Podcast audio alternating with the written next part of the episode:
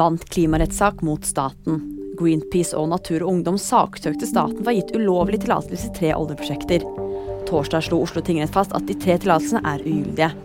Staten må nå betale 3,26 millioner kroner i erstatning og saksomkostninger til klimaorganisasjonene.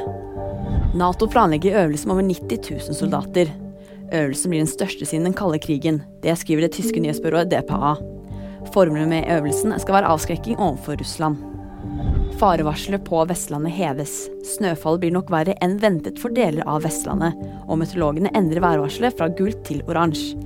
De advarer om kraftig snøbyger frem til klokken 16 fredag. Vil du lese mer? Nyheter finner du alltid på VG.